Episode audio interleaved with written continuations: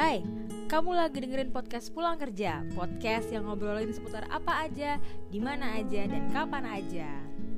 Halo, apa kabar pendengar podcast Pulang Kerja? Semoga kalian dalam keadaan sehat walafiat Di mana pun kalian berada ya.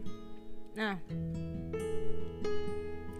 kalau minggu lalu gue udah ngomongin seputar putus cinta, patah hati, dan sakit gigi Yang walaupun mungkin podcast itu nggak membantu dan trashy ya cuman gue ngobrol ngalor ngidul aja tapi semoga menghibur. Kali ini gue mau bahas soal toxic relationship karena banyak banget nih di twitter gue lihat orang yang bahas tentang toxic relationship. Sebenarnya apa sih toxic relationship itu gitu? Dan sampai sejauh mana kita bisa bilang itu toxic dan itu nggak toxic misalkan? Menurut gue sulit untuk kita bisa memberikan ukuran atau takaran bahwa misalnya seberapa cinta sih lo sama pasangan lo atau seberapa sayang sih lo sama orang tua lo takarannya apa? Hmm? bisa lo kasih takarannya? Yang bisa nakar itu udah cukup cinta dan cukup tidak cinta kan diri lo sendiri. Dan tiap orang tuh punya takaran yang beda-beda. Lo bisa bilang hubungan itu toksik tapi mungkin menurut orang lain itu nggak toksik lo bisa bilang sorry orang lain bisa bilang hubungan lo toksik tapi lo nggak ngerasa hubungan lo itu toksik contoh um, dalam beberapa fase dalam hubungan mungkin lo pernah ngerasain yang namanya kebucinan gitu ya. Kebucinan jadi bucin maksudnya. Um, mau apa apa pacaran diturutin gitu. Tapi menurut gue itu fase ya orang lain mungkin bilang lo bego banget sih lo bucin banget sih. Tapi selama lo ngerasa lo bahagia ngejalaninnya kenapa harus jadi masalah? Contoh banyak orang yang bilang bahwa kenapa sih wanita itu harus menyiapkan makanan pada uh, sorry kenapa sih wanita itu harus menyiapkan makanan untuk uh, suaminya di rumah oh kalau gue sih nggak ada tuh kayak gitu-gitu. Suami gue pulang ya dia nyiapin semua sendirian. Atau misalkan ada tuh dulu ya yang sempet viral yang ngasih bekal ke suaminya.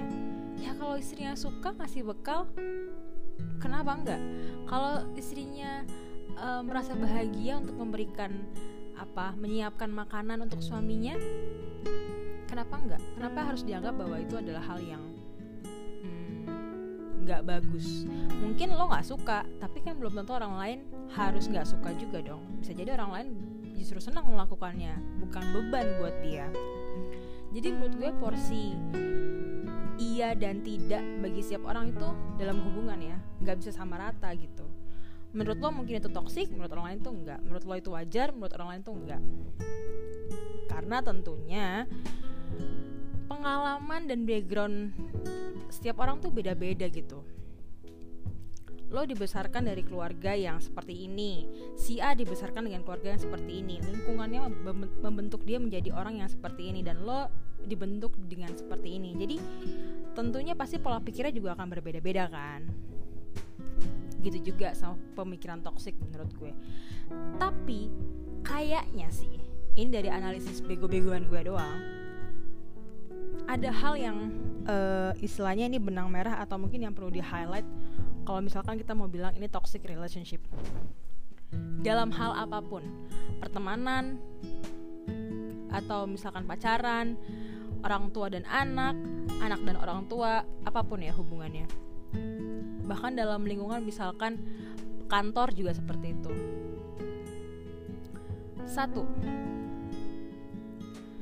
lo udah ngerasa nggak nyaman aja gitu.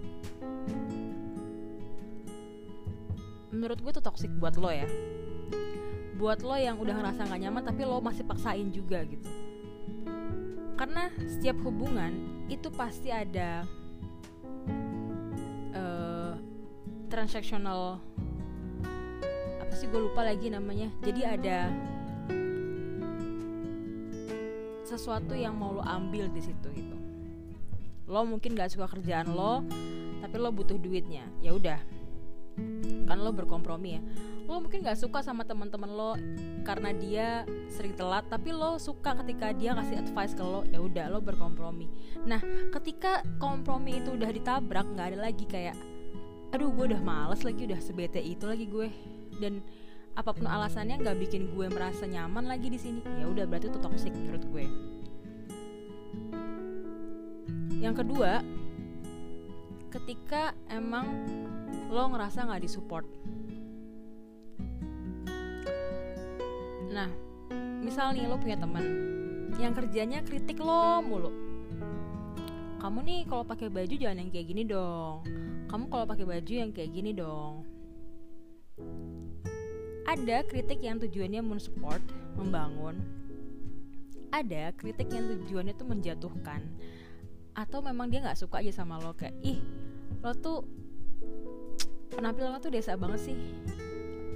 Jangan pakai kayak gitu malu-maluin. Gue pernah dulu waktu gue SMA gue kan bisa dibilang waktu SMA SMP gitu sangat tidak melek akan fashion karena menurut gue buat apa gitu. Satu gue belum bisa cari uang sendiri. Dua ya gue belum menemukan fashion yang cocok buat gue yang nyaman untuk gue pakai. Jadi bisa dibilang gue pakai baju yang itu itu aja yang serampangan gitu. Bahkan kadang gue dikritik sama nyokap gue karena kamu tuh pakai baju apa sih? gitu.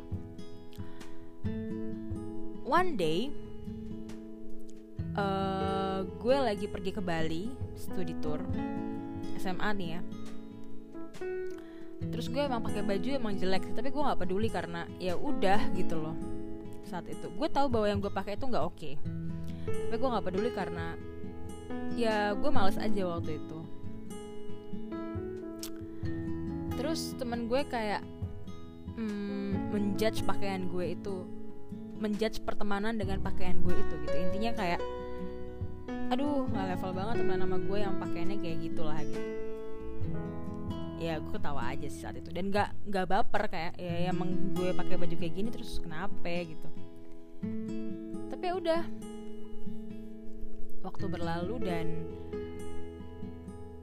menurut gue itu toxic sih saat itu karena kalau dia adalah teman gue yang bener-bener uh, peduli sama gue dia akan bilang lo jangan pakai baju ini. Gimana kalau misalkan lo gue makeover coba lo buka tas lo ada apa aja baju di tas lo? Oh ini nggak ada yang masuk nih Kin. Coba deh uh, lo punya budget berapa? Lo bawa duit berapa? Kita pergi ke toko baju sekarang. Gue dandanin lo. Gitu kan harusnya. Jadi lo gak cuma kritik terus kayak aduh malas banget mana-mana orang karena pakaian lo kayak gitu. Nggak nggak kayak gitu. Menurut gue tuh toxic sama halnya kayak orang ngeritik doang. Aduh lo tuh gini aja nggak bisa sih. Gimana sih? Di kantor misalkan ada yang kritik lo lu gini aja nggak bisa sih tapi nggak ngajarin tapi nggak ngasih tahu mana yang benar. Itu bisa jadi toksik bisa jadi ya. Bisa jadi toksiknya adalah di, lo, di diri lo kayak misalkan lo udah dibilangin kayak gitu tapi lo nggak mau belajar. Ya udah akhirnya lo dimarahin lagi ya kan?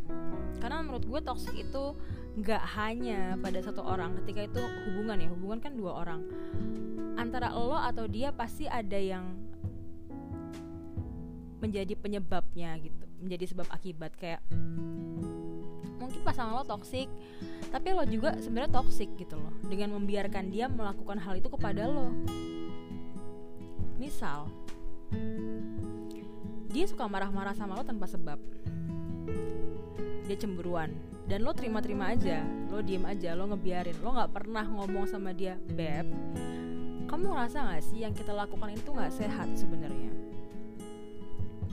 Kenapa kamu marah-marah? Apa yang menyebabkan kamu sebel sama aku? Oke, cari sumbernya, kita potong sumbernya.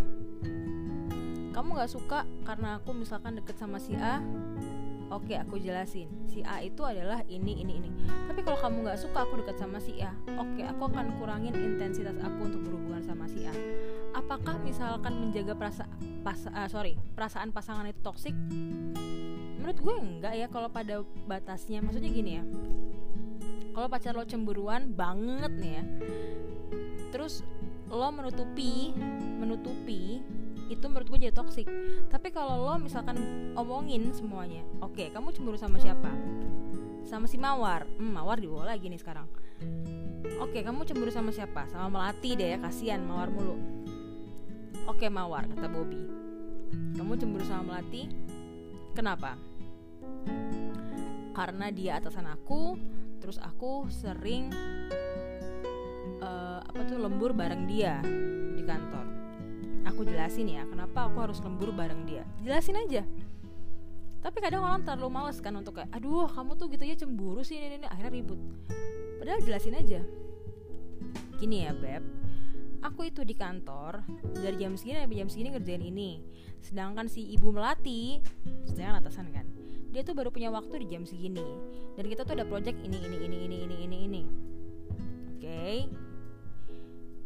Itu kalau jujur ya tapi kalau misalkan emang lo nya udah belangsak ya bakal belangsak aja. Ini ini gue mendeskripsikan kejadian yang di mana emang lo nggak bersalah gitu tapi pacar lo cemburuan banget. Ya jelasin aja jangan jadi kayak aduh kamu tuh cemburuan banget sih aku males deh. Kamu tuh bawel banget sih aku males deh. Kamu curigaan mulu sih aku males deh. Iya kalau dia curiga sama lo mungkin lo pernah ngelakuin sesuatu yang membuat dia curiga mungkin satu kedua mungkin ada sebuah trauma yang membuat dia selalu curiga sama orang dia punya trust issue gitu loh. Entah mungkin keluarganya entah mungkin dia pernah dihianatin sama mantannya dia dihianatin sama temennya gitu sehingga dia curigaan gitu. Atau mungkin dia pernah mendengar track record lo dulu tukang selingkuh misalnya. Ya pasti kan orang ada alasannya ya kenapa dia berperilaku seperti itu. Dan yang harus lo fokuskan adalah solusinya bukan di permasalahan yang oke okay, pacar lo cemburu terus solusinya apa? Dan lo mau nggak membantu pacar lo keluar dari kecemburuan itu? Bukan malah justru ya udah deh gue nggak usah bilang kalau misalkan gue lagi pergi sama dia. Atau ya udah deh gue bilang aja. Toh gue maksudnya emang gak mau nutup nutupin ya enggak dong kalau emang pacar lo cemburu lo pergi sama dia jangan pergi sama dia gitu kan. Bisa dong.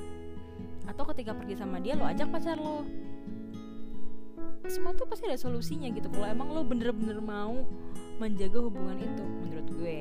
Tapi selalu ada kayak ah kamu terlalu mengekang. Ah kamu cemburuan. Ah nggak penting. Loh sekarang yang menjalani hubungan itu kan kamu sama dia bukan cuma kamu doang. Jadi segala sesuatunya tuh harus didiskusikan berdua. Kalau kalian nggak bisa berdiskusi berdua ya jangan pacaran jangan berhubungan. Sendirian aja udah. Jadi lo yang pegang kontrol atas diri lo dan hubungan lo dengan orang lain gue gitu ya. Terus apalagi selain support ketidaknyamanan kalau lo udah sering bohong yang ketiga nih ya kalau lo udah sering bohong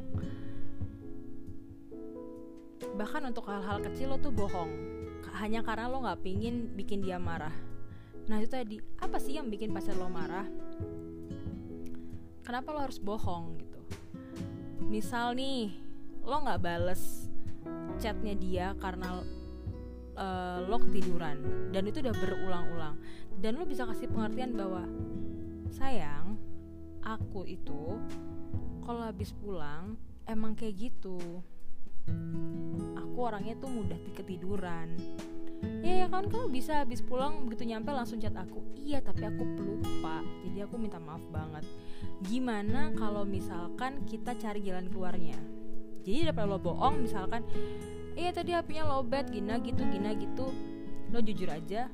Terus lo coba tanya menurut kamu solusinya apa ya? Karena aku nih orangnya parah banget nih ketidurannya. Oke solusinya adalah bikin misalkan nih pasang alarm gitu bikin apa reminder jadi pas kamu mau pulang dari kantor, kamu ngechat aku, aku udah di jalan. Estimasi dari dari kantor ke rumah atau dari kantor ke kosan berapa? Misalkan 15 menit. Oke, bikin alarm 15 menit. Ih, ribet banget. Enggak, enggak ribet. Menurut gue itu bukan cara yang apa ya istilahnya lo bisa orang bisa bilang kayak ih aneh banget sih lo. Ih lebay banget sih pacar lo.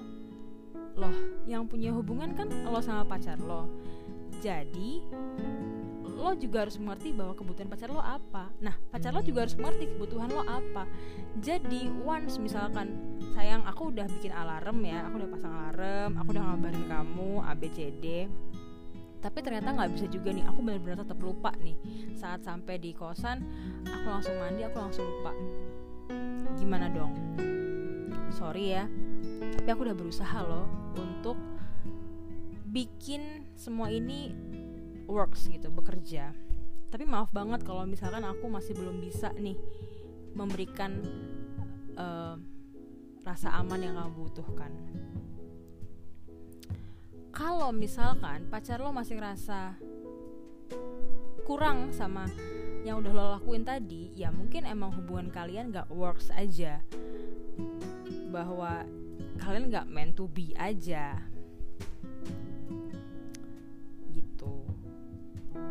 Tapi tiga ini menurutku kuncian sih. Kalau lo bisa ngelakuin tiga ini oke okay, hubungan lo mungkin akan bertahan ya cukup lama.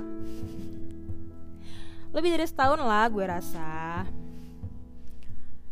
Cuman kadang orang tuh suka aduh udah deh gak usah bacot. Aduh udah deh kamu jangan ngurusin aku terlalu segitunya banget. Dia tuh cuma temen aku. Masa kamu gitu cemburuan? Loh orang cemburu tuh wajar. Ada orang-orang yang ngerasa insecure setiap kali dia ngelihat orang lain lebih dari dia. Contoh, gue misalkan, gue kalau ngelihat um, postingan dengan likes yang banyak di Instagram, gue insecure. Gimana nih orang bisa bikin konten sampai likesnya banyak? Gimana caranya gue bisa bikin juga konten yang kayak gini? Kenapa gue nggak bisa bikin konten yang kayak gini? Apakah gue kurang kreatif? Gitu? gue jadi mikir ke mana-mana itu kan termasuk insecure juga ya walaupun mungkin nggak sampai parah atau gimana nah lo bayangin pacar lo yang insecure sama cewek lain. Dia nggak pacaran aja. Ini ada cewek nih. Nih ada cewek lewat depan dia. Dia juga insecure. Kenapa ya cewek itu lebih cantik? Kenapa ya? Nah lo jangan marahin dia. Jangan kenapa tuh orang-orang kadang kayak ih kenapa sih kamu tuh insecure banget? Ya nggak usah insecure lah. Nggak usah dipikirin lah. Nggak kamu cantik kok. Gak gitu. Tapi coba diajak ngobrol. Oke apa sih yang bikin kamu insecure kenapa? Dia lebih tinggi. Oke. Kamu emang nggak lebih tinggi dari dia tapi bukan berarti kamu nggak cantik kan?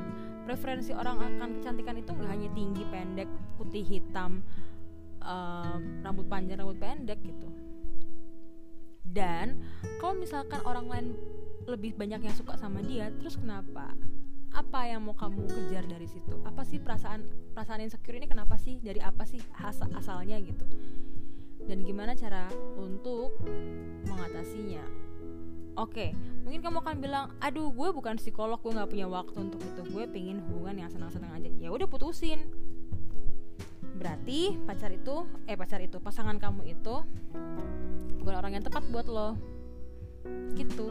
Simpel kan? Lo cari yang benar-benar sama-sama cuek misalkan sama-sama nggak pedulian sama-sama bisa um, hang out sama siapa aja tanpa baper kalau lo ngerasa ketika lo lo punya pacar terus pacar lo posesif atau insecure atau cemburuan lo ajak ngobrol kenapa kamu kayak gitu?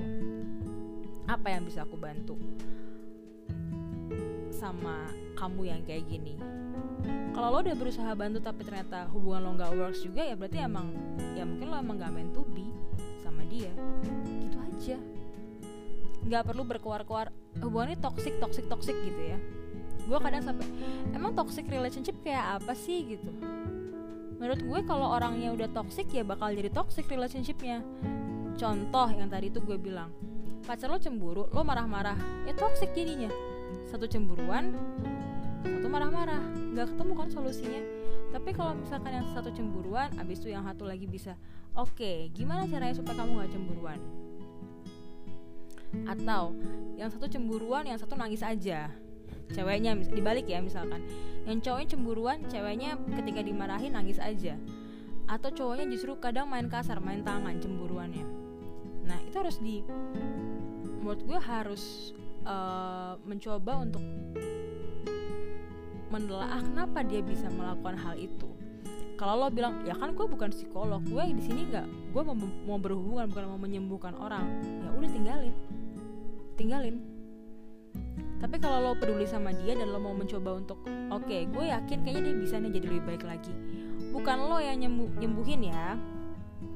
Lo harus tanya sama dia oke okay, menurut menurut aku nih ya sayang ya yang kamu lakuin ini nggak oke okay loh kamu kalau misalkan kamu mukul-mukul aku kayak gini nih nggak oke. Okay. kita harus cari solusinya gimana caranya supaya temperamen kamu ini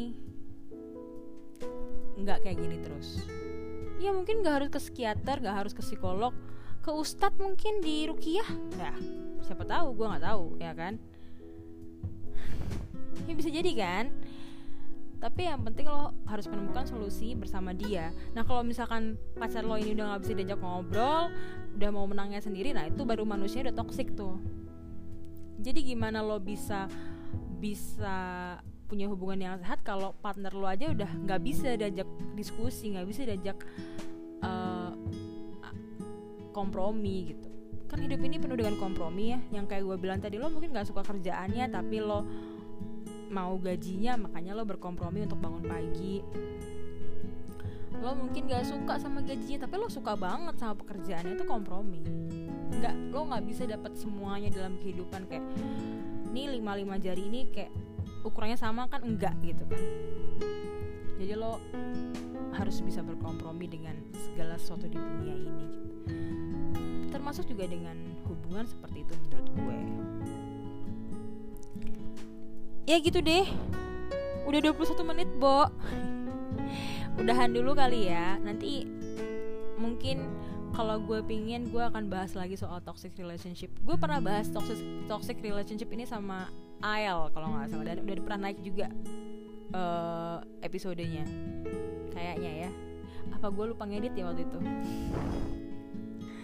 Tapi semoga udah naik sih. Kalau enggak gue minta maaf banget sama Ael karena udah lupa mengedit dan lupa menaruh filenya di mana. Gitu aja soal toxic relationshipnya. Semoga membantu kamu kalau misalkan eh, nggak uh, kebantu ya bolehlah kirim email ke gue. Pandangan lo soal toxic relationship ini apa? Mungkin nanti akan gue bahas lagi ada part kedua atau part ketiga dan seterusnya. Email aja di kinantiwidiari at gmail.com oke? Okay? gue nggak punya email podcast langsung aja ke email pribadi gue. Thank you yang udah dengerin. Semoga kalian sehat-sehat terus, jaga kesehatan, jaga kesehatan mental juga ya. Tetap semangat tetap bahagia. Bye bye